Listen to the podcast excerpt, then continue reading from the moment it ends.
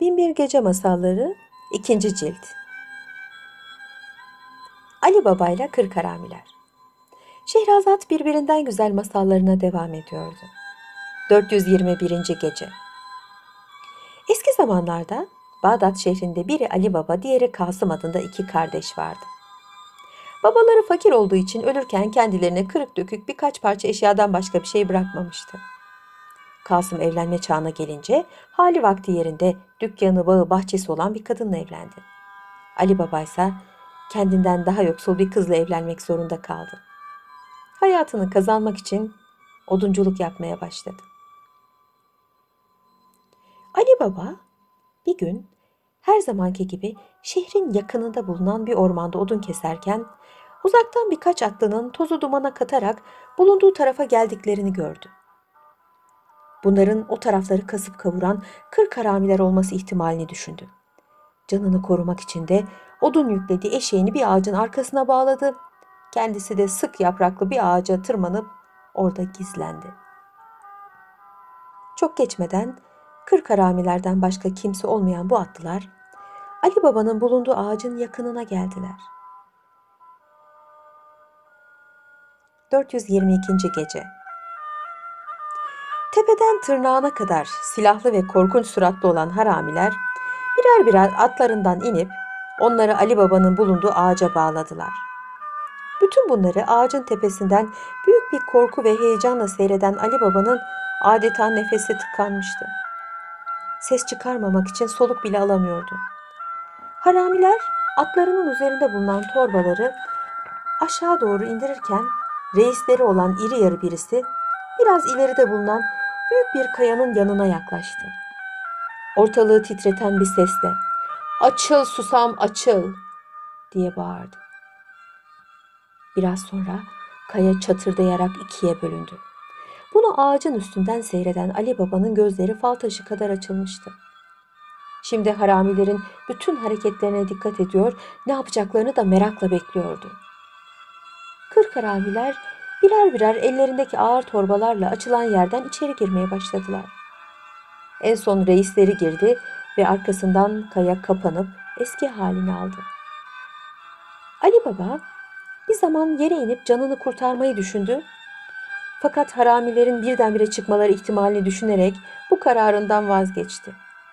Beklemeye başladı.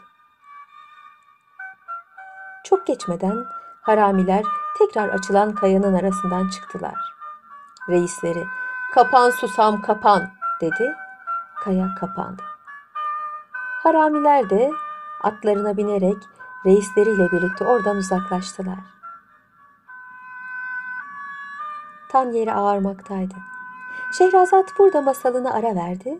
Ertesi akşamda bıraktığı yerden alıp tekrar şöylece anlatmaya başladı.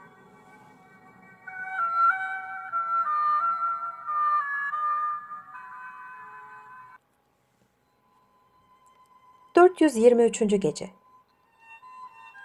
Kırk haramilerin hemen geri dönmeyeceklerine kanaat getiren Ali Baba... ...büyük bir heyecan ve sevinçle ağaçtan indi. Kayanın bulunduğu tarafa giderek tıpkı haramilerin reisi gibi seslendi. Açıl susam açıl. Ali Baba lafını bitirir bitirmez kaya ikiye ayrıldı. Oduncu hemen içeri daldı. Mağara yarı karanlık olduğu halde sağda solda bulunan mücevher yığınların parıltıları gözleri kamaştırıyordu. Ali Baba girdiği mağaranın içinde zengin ve emsalsiz bir hazinenin bulunduğunu anladı. Bir zaman çeşit çeşit mücevherlere, fafur kaselerin içerisinde bulunan süs eşyalarına ve yığın yığın altınlara hayran hayran baktıktan sonra vakit kaybetmeden ceplerine ve orada bulunan bütün torbaları eline geçen mücevherleri altınları doldurdu. Sonra bunları omuzlayıp kapıya doğru yürüdü. Fakat kapı kapanmıştı. Ali Baba reisin söylediği tılsımlı kelimeyi tekrarladı. Açıl susam açıl. Kaya açıldı ve Ali Baba sonsuz bir sevinç içinde taşıdığı torbalarla dışarı çıktı. Onların eşeğine yükleyerek şehre yollandı. Eve varınca karısının yardımıyla torbaları boşalttı. Kadın kocasının bu defineyi nerede bulduğunu sordu. Ali Baba ona başından geçenleri olduğu gibi anlattı. Sonra da aman karıcığım bunu kimseye söyleme. Allah bize bu kısmeti verdi. Şımarmadan, el alemece kasatmadan rahat rahat yaşayalım dedi. Sabah oluyordu. Şehrazat burada masalını ara vermek zorunda kaldı. Ertesi akşam da masala şöyle devam olundu. 424. Gece Ali Baba'nın karısı kimseye bir şey söylemeyeceğine söz verdikten sonra "Peki kocacığım" dedi. "Bu serveti nerede saklayacağız?" Ali Baba cevap verdi. "Bahçede bir çukur kazıp gömeriz. Lazım oldukça azar azar çıkarır, konu komşuya ve akrabalara çaktırmadan harcarız. Bu sırrı ikimizden başkası bilmemeli. Yoksa başımız derde girer." Kadın sözünü kesti. Fakat ben bu altın ve mücevherlerin ne kadar değeri olduğunu bilmek istiyorum. Ali Baba kızdı. Canım ne kadar olduğunu öğrenip de ne yapacaksın? Bunlar bize ölünceye kadar yeter. Çocuklarımıza da bol bol kalır. Kadın inatçıydı. Hiç olmazsa kaç kilo olduğunu öğrenmek istediğini söyleyince Ali Baba, peki ne istersen yap. Yalnız kimse duymasın demekten başka çare bulamadı. Kadın evinde kilo olmadığı için hemen Kasım'ın evine giderek eltisinden bir kile istedi. Eltisi kıskanç bir kadındı. Ali Baba'nın fakir olduğunu bildiği için bu kile ile ne ölçeceğini merak etti. Verdiği kileye yapışsın diye dibine gizlice bir parça bal sürdü. Ali Baba'nın karısı kileyi aldı, eve gitti, altınları ve mücevherleri o kileyle ölçtü. Sonra kilenin dibine yapışan bir altının farkına bile varmadan onu götürüp geri verdi. Kilenin dibindeki altını görünce Kasım'ın karısının kıskançlık damarı kabardı, yüzü sarardı. Akşam kocası eve gelince, hani sen benim kardeşim Ali fakirdir diyordun. Halbuki o senden zengin. O kadar altınları var ki taneyle sayamıyor da kileyle ölçüyorlar dedi.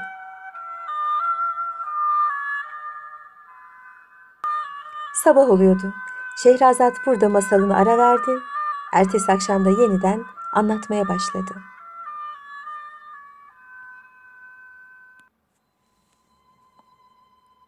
...425. Gece Kasım önce buna inanmak istemedi.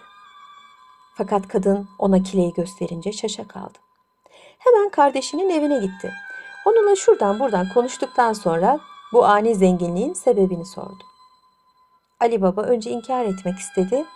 Fakat kardeşinin sırrını öğrendiğine kanaat getirerek kırk haramilerle olan macerasını anlattı ve o mağaraya girebilmek için söyleyeceği tılsımın sözü öğretti. Var sen de zengin ol. Yalnız bu sırrı kimseye söyleme ve öğrettiğim tılsım anahtarını da unutma dedi. Ertesi gün Kasım yanına birkaç katır alarak Ali Baba'nın dediği yere gitti. Kayanın önünde durarak Açıl susam açıl diye bağırdı. Biraz sonra kapı açıldı. Kasım içeriye girdi. Mağaranın içindeki altın ve mücevher yığınlarına bir zaman hayran hayran baktı. Sonra getirdiği torbalara yükte hafif, pahada ağır olan mücevherleri doldurdu. Tam çıkacağı sırada kapının açılması için söylenecek lafı unutmasın mı? Arpa, buğday, çavdar, yulaf, aklına gelen bütün tanelerin adlarını saydı. Fakat bir türlü susam kelimesi hatırına gelmedi. Bu yüzden Kasım içeride kaldı. Sabah oluyordu. Şehrazat burada da masalını ara vermek zorunda kaldı. Ertesi akşamda bıraktığı yerden alıp tekrar şöylece anlatmaya koyuldu.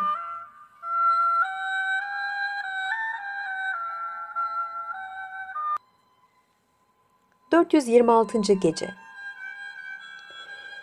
Öğleye doğru kırk haramiler mağaralarına geldiler. Reisleri kapıda katırların beklediğini görünce içeride sırlarını öğrenen birinin bulunduğunu tahmin etti. Kılıcını çekti ve açıl susam açıl diyerek aralanan kapıdan içeri daldı. Kasım kapının açıldığını görünce sevindi. Kendini dışarı atmak istedi. Fakat haramilerin keskin kılıçlarıyla karşılaşıp cansız bir halde yere serildi.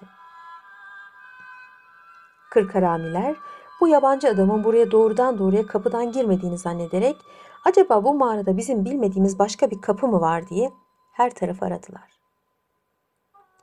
Bulamayınca memnun oldular. Sonra Kasım'ın vücudunu ikiye bölerek bir daha buraya girmeye cesaret edenlere ibret olsun diye kayanın üzerine astılar. Ve yine çabucak çıkmak üzere oradan ayrıldılar. Kasım'ın karısı kocasının o gece eve dönmediğini görünce doğru kaynının evine gitti. Kocam dün sabah evden çıktı, bir daha da gelmedi. Korkuyorum, başına bir felaket gelmesin, git onu ara, dedi. Ali Baba hemen eşeğine binerek kırk haramilerin mağaralarına gitti. Kapıda kardeşi Kasım'ın ölüsünü görünce çok üzüldü.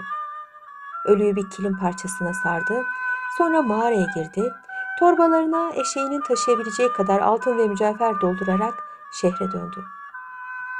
Altınların bir kısmını evine uğrayıp karısına bıraktı. Bir kısmını da kardeşinin ölüsüyle beraber yengesinin evine götürdü. Kardeşinin açık göz, becerikli bir cariyesi vardı. Adı Ayşe'ydi. Ali Baba ona, kızım dedi.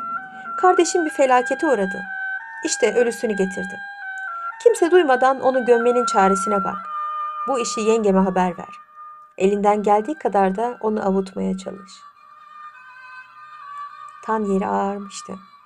Şehrazat burada masalını ara verdi. Ertesi akşamda yeniden şöylece anlatmaya koyuldu. 427. gece. Ayşe ölüyü hemen gömemeyeceğini söyleyerek onu eve aldı. Hanımına her şeyi anlattı. Kadın çok üzüldü. Hüngür hüngür ağlamaya başladı. Fakat Ayşe imdadına yetişerek onu epeyce oyaladı. Dul kalan yengesinin teklifi üzerine Ali Baba ailesiyle beraber onun evine taşındı. Ayşe de ertesi gün efendisi Kasım'ın ikiye bölünmüş ölüsünü birbirine bitiştirmek ve öylece komşuları kuşkulandırmadan cenazeyi kaldırmak istedi. Bu işi o civarda bulunan Mustafa adında fakir bir eskiciye havale etme, etmeyi düşündü. Hemen giyinip onun dükkanına gitti. Eskicinin eline bir altın sıkıştırarak Mustafa amca dedi. Benim görülecek mühim ve gizli bir işim var. Şimdi senin gözlerini bağlayıp bir yere götüreceğim. Orada dediğim işi yapacaksın. Dönüşte sana bu verdiğimden başka bir altın daha vereceğim. Haftada ancak bir altın kazanan eskici işin ne olduğunu sormadan bu teklifi kabul etti. Ayşe bir mendille onun gözlerini bağladı ve elinden tutup evlerine götürdü. Ölünün bulunduğu odaya soktu. Orada gözlerini açıp Mustafa amca ikiye bölünmüş olan bu ölüyü birbirine dikeceksin. Yapacağın iş bundan ibarettir dedi. Sabah oluyordu. Şehrazat burada masalını ara verdi.